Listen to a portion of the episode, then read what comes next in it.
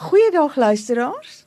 U is ingeskakel op Radio Tygerberg 104 FM en die program Ek en my kind, 'n program vir almal wat belangstel in die onderwys, in die opvoeding van kinders binne in ons gemeenskappe en wat graag ook betrokkenheid daarbey wil hê. Gewoonlik is die program aangebieders ek Sura Swart uh, van die Weskaap Onderwysdepartement en dan saam met my my kollega Neville Goliath.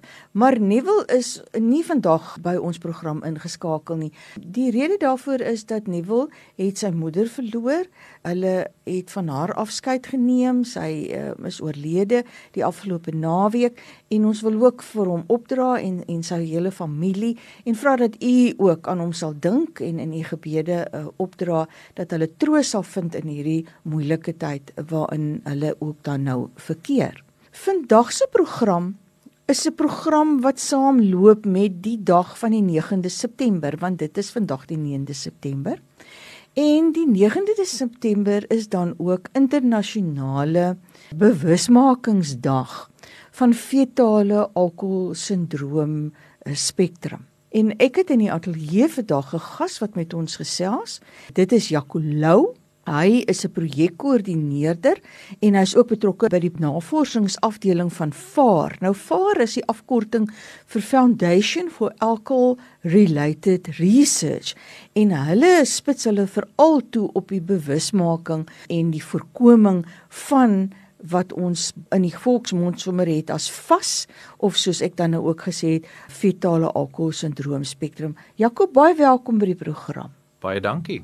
Jakob, dit is nou vandag internasionale FASS bewusmakingsdag. Net so kortliks om almal net te herinner want ons ons gesels eintlik 'n jaarliks op die 9de September oor hierdie onderwerp. Wat behels die term fetale alkohol spektrum sindroom? En hoekom het ons hierdie bewusmaking juis op die 9de September? Interessant genoeg daar is soos altyd bietjie uh, verskille rondom die, wat ons dit noem. Ons verwys ook na vitale alkohol spektrum afwykings. Waar ons daarvan praat is die skade wat kan gebeur indien 'n fetus blootgestel word aan alkohol in die baarmoeder, so tydens swangerskap ons verwys na vitale alkohol spektrum afwykings omdat nie alle skade gaan noodwendig vitale alkohol sindroom veroorsaak nie maar of die hele sindroom daar is of nie daar kan wel skade wees dit is baie soos wat mense na die autisme spektrum sal mm, verwys mm. om net duidelik te maak dat daar kan 'n reeks skade voorkom Die rede hoekom ons die 9de September spesifiek gekies het is dit kom nou al van 1999 af waar biologiese ouers en aanneemouers van kinders wat wel FASA het besluit het dat dit is lank genoeg wat dit so half 'n stil probleem was wat mense nie van bewus is nie. En hulle toe dit op hulle self geneem om 'n dag waar mense daar kan dink aan vitale alkoholspektrum afwyking. So 9 September 9 minute oor 9 1999 is die eerste vitale alkohol uh, spektrum afwyking dag toe geloods. En die rede daarvoor is maar die simboliek rondom die 9 want 'n uh, moeder is mos normaalweg vir 9 maande swanger. En dit is maar net om te speel met daai konsep jy weet die swangerskap en die gesonde swangerskap en die feit dat daar nie alkoholblootstelling in daai 9 maande moet wees nie. So dis hoe ons op die datum afgekom het En van toe af is dit wêreldwyd wat ons almal saam staan en net op die dag sê dis nou lank genoeg wat daar stilte is oor dit en ons moet die die stilte breek en mense bewus maak daarvan. O, dit is nogal interessante geskiedenis wat hierdie ja. 9de September het? Nee, en ek dink dit sal 'n mens ook altyd nou in die toekoms herinner as jy op hierdie dag kom, veral die konnotasie met die 9 maande van swangerskap en dat 'n mens in daai tyd dan jou moet weerhou daarvan om enige alkohol te gebruik omdat dit die effek sou hê.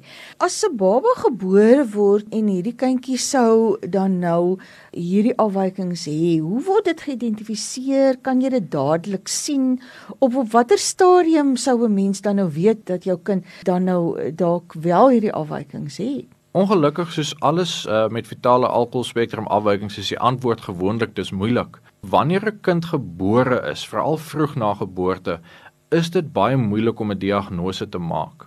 Dis eintlik 'n baie gespesialiseerde diagnose om te maak van fetale alkoholspektrum afwykings. 'n Mens fokus veral in die ou dae is daar baie gefokus op die gelaatstrekke en dit swaalf aangeneem dat dit is jou hoofindikasie van FASA. Maar daar's eintlik 3 aspekte wat 'n mens moet hê om so 'n diagnose te maak. Daar's jou kognitiewe vermoë, so ons moet 'n sielkundige assessering hê van die kind se kognitiewe ontwikkeling. Daar's die fisiese ondersoek wat gaan oor die gelaatstrekke, die fisiese eh, tekens en simptome en ook dan 'n onderhoud met die moeder oor alkoholgebruik. En dis slegs wanneer ons al 3 daai aspekte saam het wat jy dan regtig 'n diagnose kan maak as jy kyk na die tyd net na geboorte, jou fisiese gelaatstrekke en jou fisiese aspekte is nie noodwendig al totaal gevorm nie. As jy ook kyk na jou kognitiewe aspekte, dis nie noodwendig dat jy dit al kan meet nie. So die probleme kan reeds daar wees, maar soos wat ons weet met die mylpale van ontwikkeling met kinders, daar is mos maar wisseling en so. Hmm. En dan die laaste is dit is 'n baie moeilike gesprek om te hê met 'n moeder oor alkoholblootstelling in swangerskap. So dit is moontlik om vroeg al ek huiwer om 'n datum op te sit, maar ons werk baie keer van so 9 maande af, maar dan het ons 'n gen, genetikus en 'n dismorfoloog en mense wat hmm. hoogs gespesialiseerd is betrokke.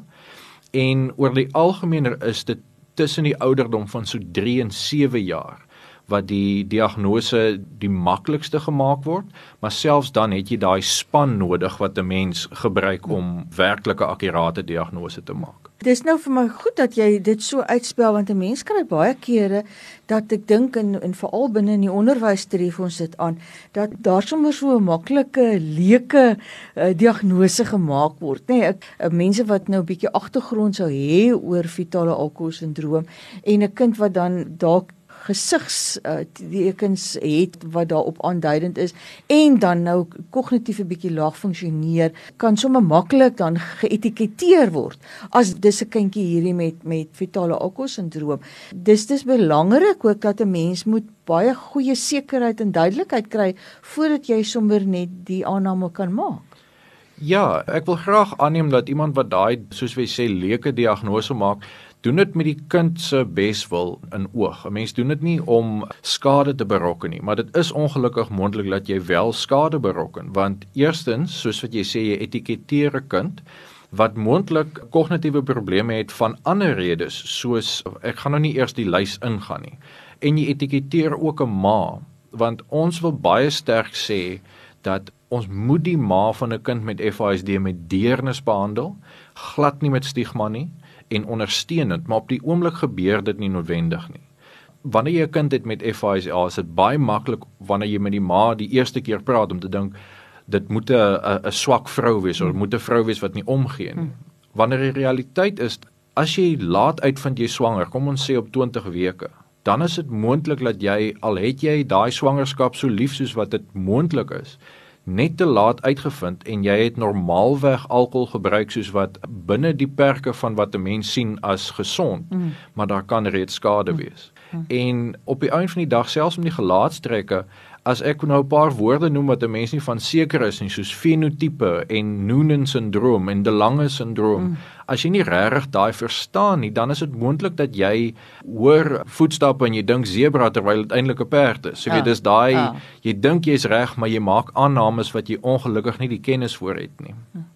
Ek is so bly dat jy nou melding maak daarvan dat dit baie kere kan gebeur dat mense net normale geleentheids alkoholgebruikers sou wees, maar dan op 'n baie laat stadium eers uitgevind dat hulle swanger is en dat dit die baba sou kon affekteer want dit is heeltemal waar wat jy sê.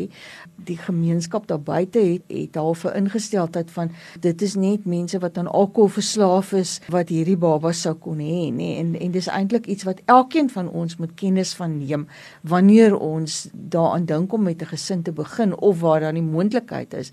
Nou sê ons daar is tog sekere aspekte wat kenmerkend is van hierdie kind wat hierdie afwykings het, nê. Nee. As dit nou gediagnoseer word, watter uitdagings is daar? Wat kan ons verwag?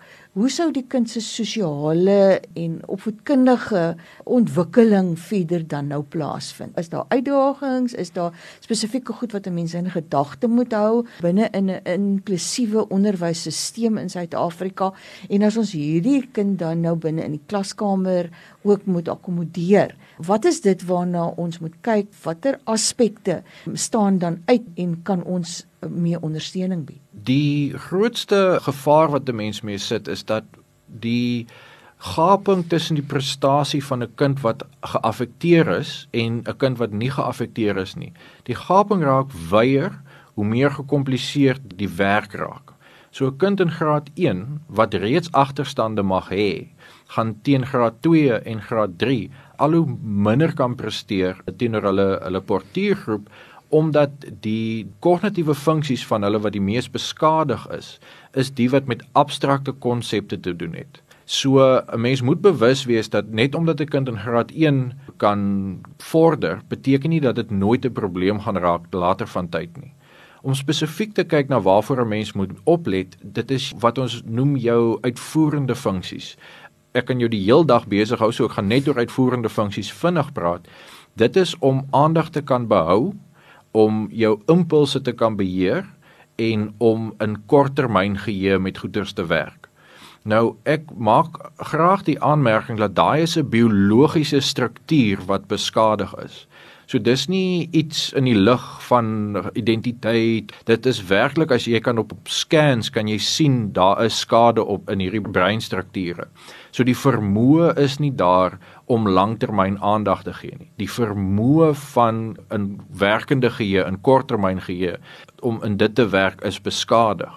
So 'n kind met FASA gaan byvoorbeeld baie minder brokkies inligting op een slag in hulle korttermyn geheue kan hou.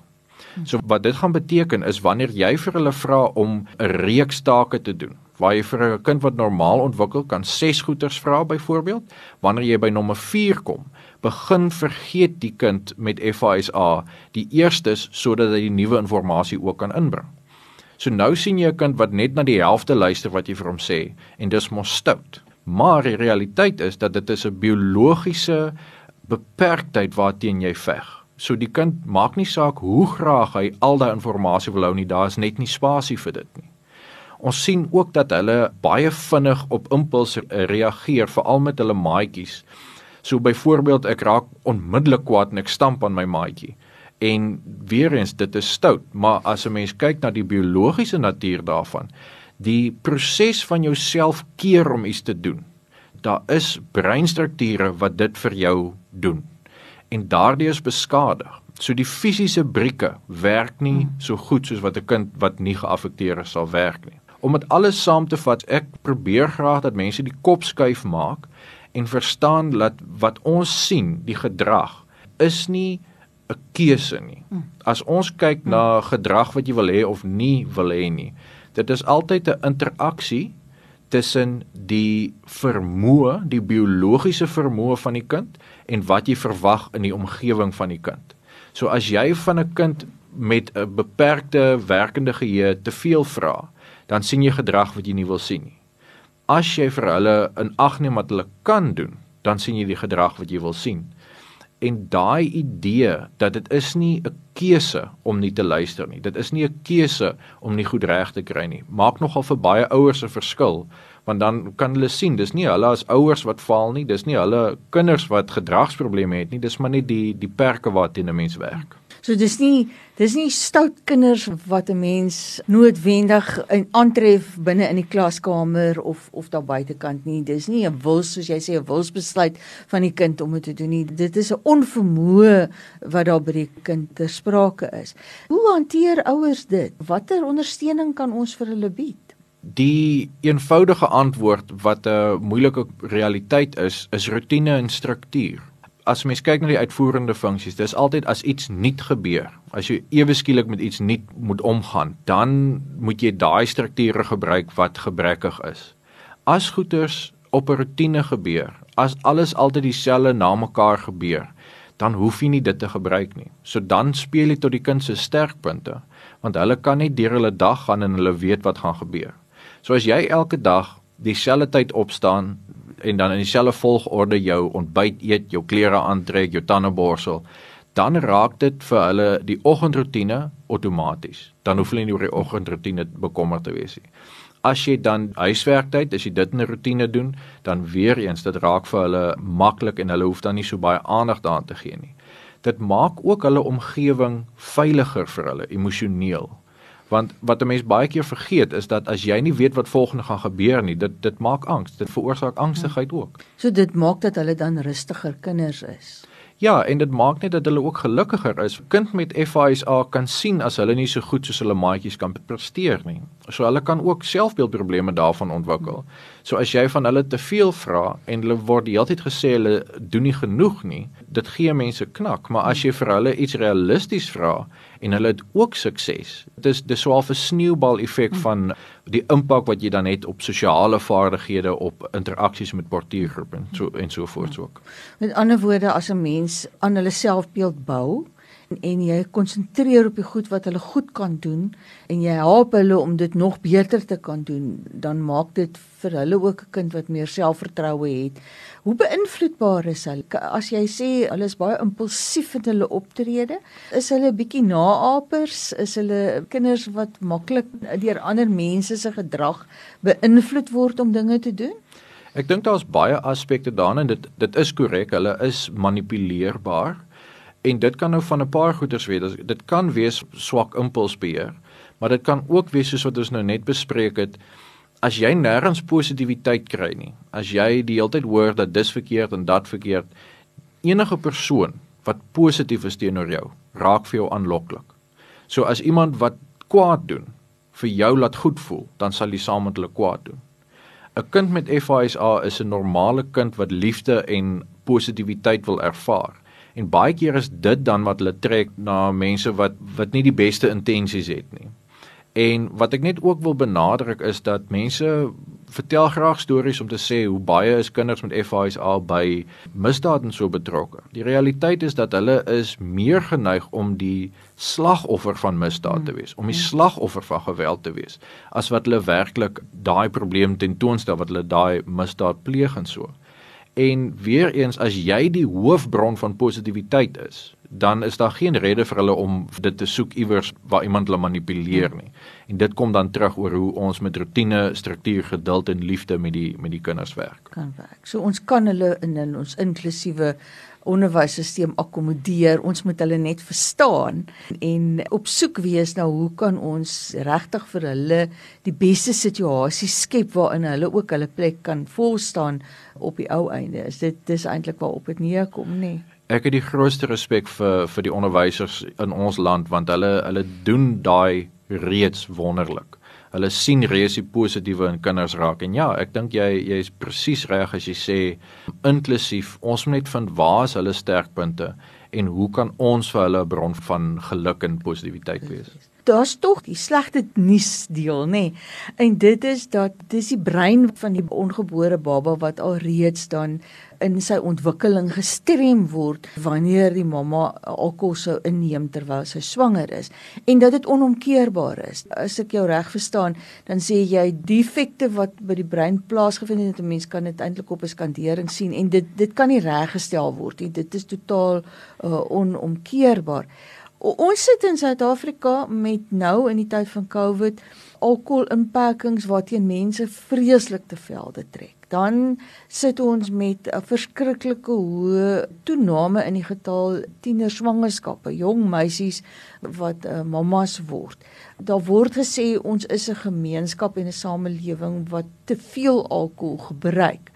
Julle is nou 'n organisasie wat ingestel is daarop om inligting oor fetale alkohol uh, sindroom te versprei en om dit te voorkom juis omdat jy die inligting het en jy doen die navorsing daaroor. Wat kan elke ene elke luisteraar wat vandag na hierdie program luister hoe gaan ons dit stop? Hoe gaan ons keer dat ons 'n toename het in kinders? Ons het groot getalle in Suid-Afrika nê? nee?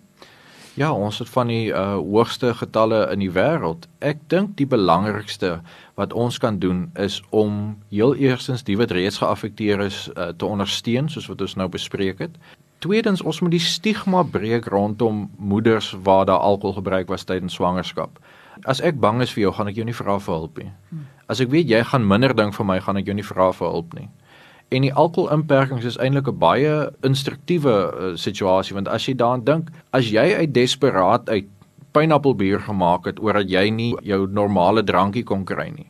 Vra dan vir jouself, jy sien jouself nie as iemand met 'n met 'n drankprobleem nie. As jy so desperaat was, al het jy nie 'n probleem nie, dan moet jy mos verstaan iemand wat sukkel om alkoholgebruik minder te maak.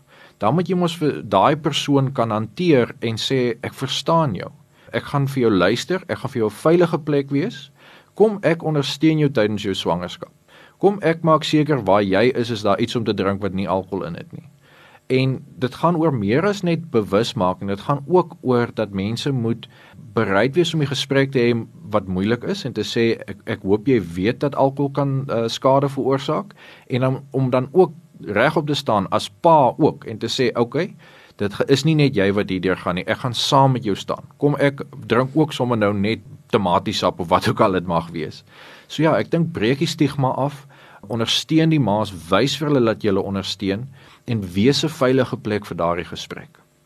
Ek is so bly jy verwys na die paas want ook veral as dit kom by by leederswangerskappe tref ons aan dat dit is ewe skielik net die die meisie wat swanger is eh, wat 'n aandadigheid aan die aan die saak amper beweer te hê. En ek is ek is baie bly want want dit is regtig dink ek 'n aangeleentheid wat deur die mans in 'n verhouding ook saam teen geveg moet word. So dat wanneer 'n egpaar sou besluit om met 'n gesin te begin, dat dat dit van weerskante af moet kom, nê, dat die paas of dat die manspersone ook moet sê, maar ek is ook bereid om om dan nou nie verder alkohol in te neem nie sodat ek jou ook daarmee kan ondersteun. Ek dink dis die minste wat 'n mens kan vra is dat die tweede party, die pa, dan soos wat hulle sal sê, pa staan want dit kan soms 'n een eensame en 'n moeilike pad wees om te stap as jy 'n uh, 'n swanger vrou is vir alles die uh, omstandighede nie ideaal is nie. Mm.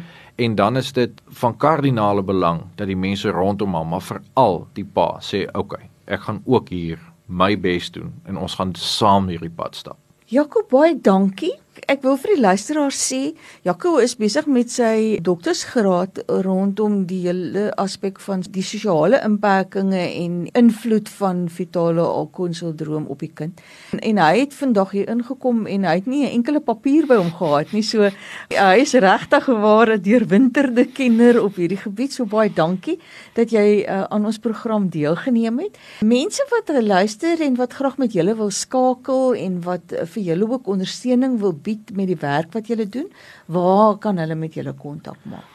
Die beste is ons webtuiste www.farsa.org.za, so dis f a r r s a.org.za of hulle kan 'n e-pos stuur aan info@farrsa.org.za. Hulle is welkom om ons te kontak vir alles hulle enige verdere vrae het. Dan wil ons daarmee sê baie dankie en totsiens. Groot plesier, totsiens.